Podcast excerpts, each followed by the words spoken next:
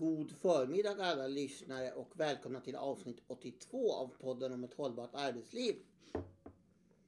God förmiddag säger God jag. förmiddag. Första snön. Första Ligger i snön har Norrbotten. kommit utanför Norrbotten och vi sitter Ja. här utanför vårt fönster på vårt kontor i Och vad är Boden. det 25 oktober? Idag är det 25 oktober. Fast det kommer att försvinna. Yes. Prognosen är Som väl vanligt så är det våra två experter heter Kaj Skoglund. och Barbro Skoglund. Ber om ursäkt att jag gjorde det i den ordningen. Jag ju vara artig och låta, låta damerna gå först. Ja, Jag är, Och jag som var synnerligen oartig där var Johan E. Skoglund som är poddens då säger vi bara så här. Sverige. Att könsperspektivet är en sak men det är faktiskt jag som är styrelsens ordförande och Kai som är VD. Det är betydligt viktigare.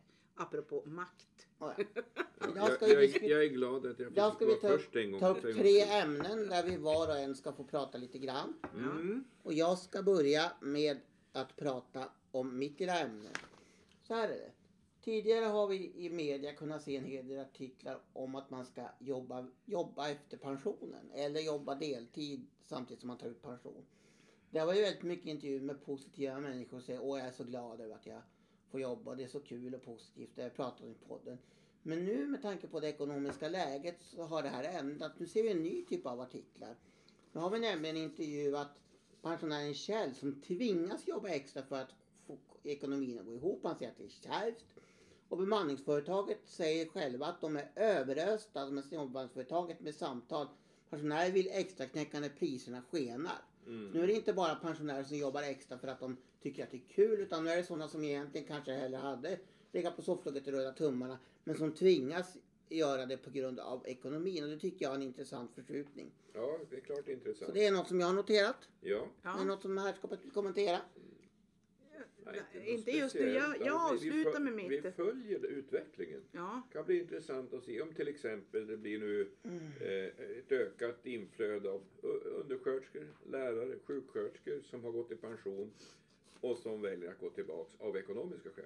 Men Mm. det är för tidigt att säga. Vi vet ju inte för att hur- inte tala om bibliotekarier, läkarsekreterare och så för vidare. att ytterligare- det Vi- finns ju vi- många vi- grupper. Och sen beror det alltså nu, nu eh, det är ju på individnivå och jag kommer tillbaka till individnivå Mm, som det här är. Eh, ett- av problemen är ju att vi, vi grupperar Mm, människor i oavsett om det är yrkesgrupper och så vidare. Ibland kan det där vara relevant. Men det är också så att, att när, när man ska prata om de här frågorna som vi nu belyser på, på fram och tillbaka, upp och ner i vår podd eh, så är det faktiskt ett helt, ett, ett helt annat perspektiv, även om vi har grupper. Ja. Vem ska Sen- prata härnäst? Vi Kaj? sitter med varsitt ämne. Nej, men jag vill bara kommentera. Sen är det lätt så att när media upp, eh, upptäcker eh, någonting som de tycker är en trend och så intervjuar de enskilda individer. Men det kan ju, för att det här ska vara to- lite mer intressant ur ett totalt perspektiv så behöver det ju vara inte bara enstaka här och där. Och det är därför jag säger att vi får väl avvakta och se om vi kommer att se det här i rekryteringssiffror framöver. Ja, det är en sak Ja. att seniorbemanningsföretaget säger att vi ser en ökad andel Ja. pensionärer som kontaktar oss. Ja. Jag kan, jag kan ta nästa, Ja. får. Mm. Det är nämligen fullständigt klockren. Och nu är vi på diskrimineringsersättning. Mm. Eh, och det var ett städföretag i Linköping som eh, skulle anställa en städare, lokalvårdare, eller vad, lokalvårdare heter det här. Och då var det en kvinna som var 57 år. Hon var intresserad av det här arbetet efter att ha sett annonsen. Och eh, hon, fick, hon förde en hel dialog med, med, med företaget men hon fick beskedet att hon, de skulle ha en yngre kvinna för det aktuella arbetet. Eh, och det här hamnade hos DO, eh, diskrimineringsombudsmannen. Och det slutade ganska snabbt med att eh, företaget medgav kravet på diskrimineringsersättning och kvinnan fick, om jag kommer ihåg rätt, det står inte där, 50 000. Jo, det står visst det. Ja, jag hittade. Hon fick eh, 50 000 i ersättning. Och Här står det mycket riktigt att det var 50 ja, 000 just där. det, på, Ja. det står, finns text på baksidan. Här. Och, och det här är ett klockrent eh, diskrimineringsfall. Det, det är det näst mest klockrena som jag har sett. Det mest klockrena det var när SAS, nu är det ett antal år sedan, Ja, med flygvärdinnorna. När de skulle, de skulle down- dra ner och då sa de så här att de allra äldsta flygvärdinnorna, om det bara var flygvärdinnor kommer jag inte ihåg, men den allra äldsta personal Kabinpersonal var det. den allra äldsta kabinpersonalen hade ju rätt att ta pension Och därför så kunde de, eh, så varslar man dem, avskedade dem med hänsyn till detta. Och det var en ren och klockren åldersdiskriminering. Och det är sällan man ser så här klockrena fall. Och det tyckte jag var lite roligt. Det var det fallet. Ja. Det var mitt ämne. Det var Barbro. ditt ämne. Ja, men då Och är de vi hade väl också tror jag, någon musiker i Radiosymfonikerna som Jo, kämpade då. för sin rätt att få spela för några år Just sedan det, som också blev det. äldre. Ja, det, det. finns några fler, det finns några fler fall naturligtvis. Men det är sällan de är så här solklara. Det intressanta är, jag ska, jag, ska, jag ska kroka på det här som du, eh, alltså det du började med Johan. Det här att man nu får artiklar kopplat till eh, att jag måste arbeta längre. När vi började med det här jobbet för 22 år sedan. När vi satte oss in i konst, eh, den finska forskningen. Vi reste runt som Mm. praktiker i det, eh, inbjudna i det här forskargänget. Pratade på vårt sätt. Alltså det, vi pratade ju alltid under uttrycket age management i prakti, in practice. Eh, det vill säga hur ska det här gå till när Mm. man ska implementera det här och vi är utvärderade och så vidare. Och eh, det, som, det, som, det var ju flera parametrar som gjorde att vi kunde, ut, vi kunde konstatera, alltså forskningskunskapen fanns redan då i slutet på 90-talet. Den fanns i Sverige och den fanns i Finland och den fanns i Holland eller Nederländerna. Den fanns i, det var ju byst med forskare inom arbetsmiljöområdet som, som samlades kring den här demografiska situationen eller utmaningen vad vi ska kalla det för. Vi brukar ju nämna klassikern antologin Arbete efter 45 Ja. Som kom ut i Sverige innan den finska forskningens resultat. Och Och, det var- där finns en väldigt bra kunskapsbas Ja. som håller fortfarande. Det, och den intressanta, för Mm. när vi satte oss ner och, och pluggade in det här. Mm. Då var det ju arbete efter 45 som var, som var parallellgrunden. När vi Mm. ifrågasatte, fanns det forskning? Proble- problemet eller arbete efter 45 är en vetenskaplig antologi kan man Ja. säga. Och det gör ju att den är extremt svår läst av den enkla, om man inte gillar vetenskap. Det är inte så att den är, men det är vetenskapliga artiklar precis som man publicerar i, i vetenskapliga tidningar. Så det är inga konstigheter med det. Men kunskapen har funnits där. Mm. Det vi pratade om i bilen hit, du och jag, i morse, är ju egentligen fortfarande, är, ser vi nu en, ett paradigmskifte eh, från att bli, eller är det det vi kan ana runt hörnet om vi nu ska spana? Att det här att vi måste bli den mest attraktiva arbetsgivaren, det vill säga vi, när vi pratade med arbetsgivare då, början på 2000-talet och fortfarande, nej men vi behöver inte bry oss om att förlänga arbetslivet för vi ska bli den mest attraktiva arbetsgivaren. Eh, och, och med det perspektivet som, som eh, arbetsgivarrepresentant så är det ganska intressant eh, att se hur, hur den här utvecklingen följer eftersom vi nu jag på säga, står bredvid och tittar på det. Att vi använder kunskapen i stort sett i alla dessa arbetsmiljöutredningar vi gör, det är ju då eh, en helt annan sak för att det är en viktig del, eh, olika delar. Du har viftat Johan innan jag kommer in på mitt ämne. Yes. Innan, jag, vill ta, jag vill ta ett litet sidospår som jag tycker är intressant Ja. ändå. Som har kommit en debatt som jag vill som har kommit upp under hösten och som jag vill apostrofera här i podden. Så vi har gjort det. Och det är den så kallade 12-årsregeln som jag tycker är mycket intressant. Det är alltså att om du, gör, om du gör värnplikten idag, då kan du om du vill efter värnplikten fortsätta inom försvaret. Ja, Och då kan du jobba som något som heter anställd. Du kan jobba som soldat. Men regelverket säger att du får bara jobba som soldat i 12 år. Om du sen går vidare och, lä- och, och, och läser till officer, då kan du naturligtvis fortsätta jobba inom försvarsmakten. Men är det så att du inte har gått en officersutbildning utan bara är vanlig hederlig soldat, då sparkas du ut efter 12 år. Här kan man verkligen Och det där beslutades för några år sedan. Och nu har de första människorna som har jobbat i 12, 12 år. år och börjat, börjat upptäcka att jag får inte jobba längre i försvaret. Och med tanke på situationen i Ukraina och att vi ska ha ett starkt försvar så är de svinförbannade och kräver att det här ska ändras. Men försvaret säger att nej det här är en jättebra regel. Och säger att då får vi nytt blod och försvaret vill absolut inte ändra det här. Och säga att vi har inga planer på att ändra detta utan det är i så fall politikerna som får göra om de tycker att det ska ändras. Men lagen är skriven så att som soldat kan du bara jobba i 12 år. Och- annars så måste skulle du gå, vidare. och göra en officersutbildning. Vi kan inte ha Och- vanliga enkla Det soldater. är ju en ganska intressant avvikelse från LAS får man säga. Ja. Med en 12-årig tidsbegränsad anställning. Ja men åter till Barbro Ja, tycker ja, jag. vi brukar ju, du som mål och omvärldsbevakare Johan, eh, håller ju oss ad, ad, Jag håller koll på ad- vad, vad som händer med, med det åldersmedvetna ledarskapet. Ja, och ordet som sådant, ja, eh, min lilla ingång här bygger ju på att när vi började så äh, att, vi såg när vi sprang på forskningen från Finland, slumpartat fast inte riktigt men ändå, äh, att age management handlade om ledarskap. Vi upptäckte ganska snabbt att det var svårt att förklara.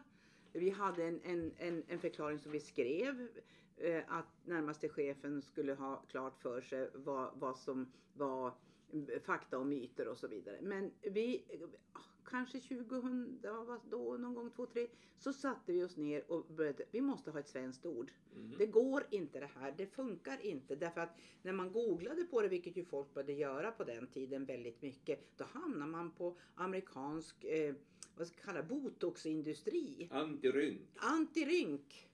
Eh, anti-age. Då var, det var det, och det var det som var age. Man, man skulle liksom managera åldrandet.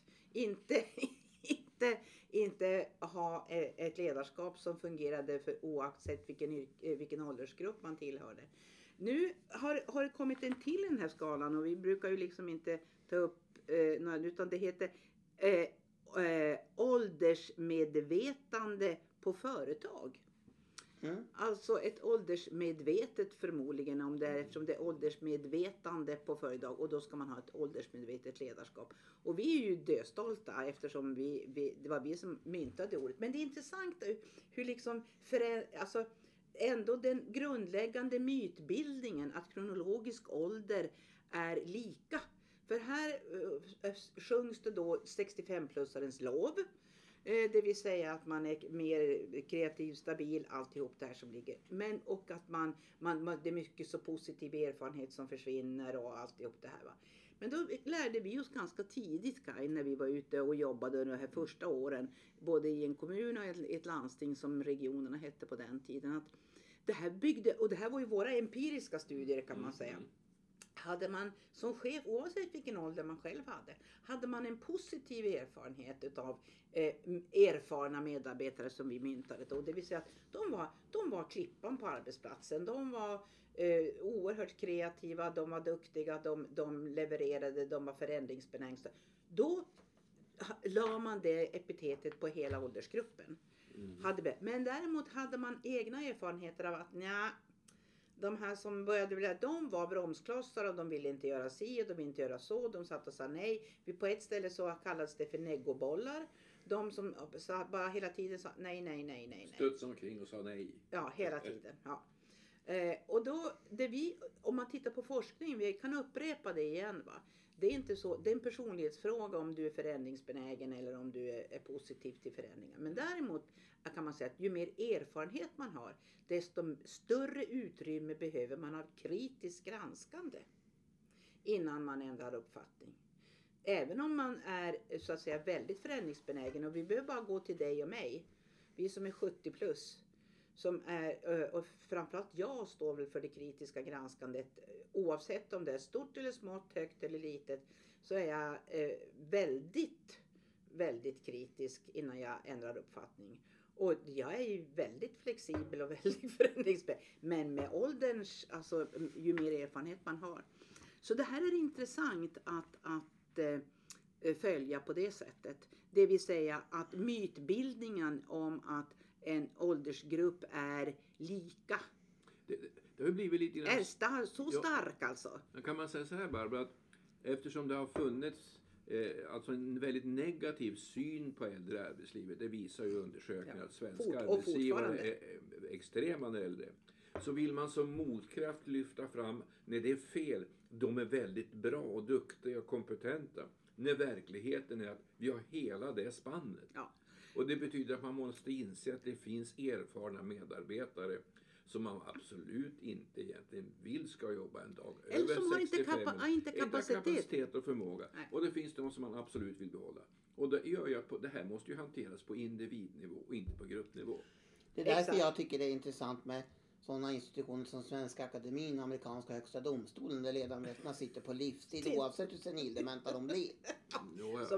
Men, Men men, jag, vi avslutar med min Mm. gamla devis som jag har sagt, jag vet inte hur många, förmodligen tusentals, tiotusentals gånger i alla dessa intervjuer, alla samtal, allt, allt det där. Så, Kronologisk ålder är inget bra mått på arbetsförmåga. ju äldre grupp av medarbetare du har, om du tittar på den som grupp och även på individnivå, så ju mer olika blir arbetsförmågan. Och det gäller alla delar i en arbetsförmåga. Kompetens och kapacitet att lära sig Mm, nya mm. saker, kompetens och kapacitet att, att eh, vara flexibel, kompetens och kapacitet och så vidare. Du kan alltså ta område för område för område. Och det innebär, jag uttrycker mig då alltid lite vanvördigt som jag brukar säga. Ju äldre medarbetargrupp du har desto mer spretar arbetsförmågan. Japp. Jag har ett sista pandang jag vill ta upp som tar Mm. en minut. Ja. Som jag vill komma med reflektion. Det här är nämligen vår 82 podd. Jo, ja, kanske. Och där är det så här att jag vill gå tillbaks till år 1982. För då var jag fyra år. Ja, just det. Det Jag var föddes det. 78 och då flyttade vi från Karlstad till Kristinehamn. Just det. Våren. Våren. Och när jag bodde i Karlstad hade jag gått hos dagmamma. Men när vi flyttade till Kristinehamn så började jag på en förskola. Som hette dagis på. Dag, det hette Da- dagis. daghem. Eh, Och på det dagis. daghemmet var det så att när man hade ätit lunch och vi hade en stor sal inne på vår avdelning där vi lekte. Och när vi hade ätit lunch då dukade man undan borden för där man satt åt lunch också i den salen. Och så togs det fram ett antal mm, eh, såna här skumgummimadrasser och lades på golvet. Eller det var såna plastmadrasser. Och så togs det fram en kudde och en filt och där skulle alla ligga och vila. Även du som var fyra. Även jag som var fyra år. Och, eh, och eh, även jag som var fyra år. Och sen några år senare, 85, så flyttade vi till Boden. Mm. Och då gick jag bara ett halvår på dagis för sen skulle jag börja skola efter sommaren. Men när jag gick på dagis i Boden då var det så att vi äldre behövde inte vila. Utan vi fick sitta och spela spel med Bamses honungsjakt, i personalen eller annat. Men i, Ni i hade också en förskoleverksamhet eftersom ni hade förskollärare där kommer jag ihåg. så var det. Ja. Men i, i Kristinehamn var det så att personalen ville kunna sitta och snacka skit i ett rum för sig själva. Så de tillät inte att någon inte vilade. Och därför var det intressant när jag för några år sedan läste om en förskola på nätet och skrev att vi jobbar på för, här förskolan går barn i, all, i alla åldrar, från spädbarn till äldre barn. Och här jobbar vi åldersmedvetet. Så vi har en pedagogik för varje ålder. Bra, klok. Apropå åldersmedvetet. I början av det. Ja. Ja. Och det börjar tidigt. Men hörni, nu Men det vi- kanske, jag, jag hade ju föredragit om man ska, inte för varje ålder utan då kategoriserar man igen att så här ska en tvååring vara. Så här ska, Tänk om man skulle säga på, efter varje barns behov. Men Och innan vi spelade in denna podd så hände någonting. Nämligen Barbro klart till sin stämma och sa det kommer en intressant unders- Ja. eh, rapport idag från SNS Ja. om Som- språk. Ja. Den vill jag att vi ska prata om i nästa podd. Mm. Så då har vi redan podd, podden till 1980, eller podd 83 klar. ja. Ja. Vi ska Eh, läsa på om den, inte bara ett eh. reportage som jag såg idag. Nej, men då Utan säger vi vi väl att då säger vi det och så säger vi tack och hej. Tack och hej.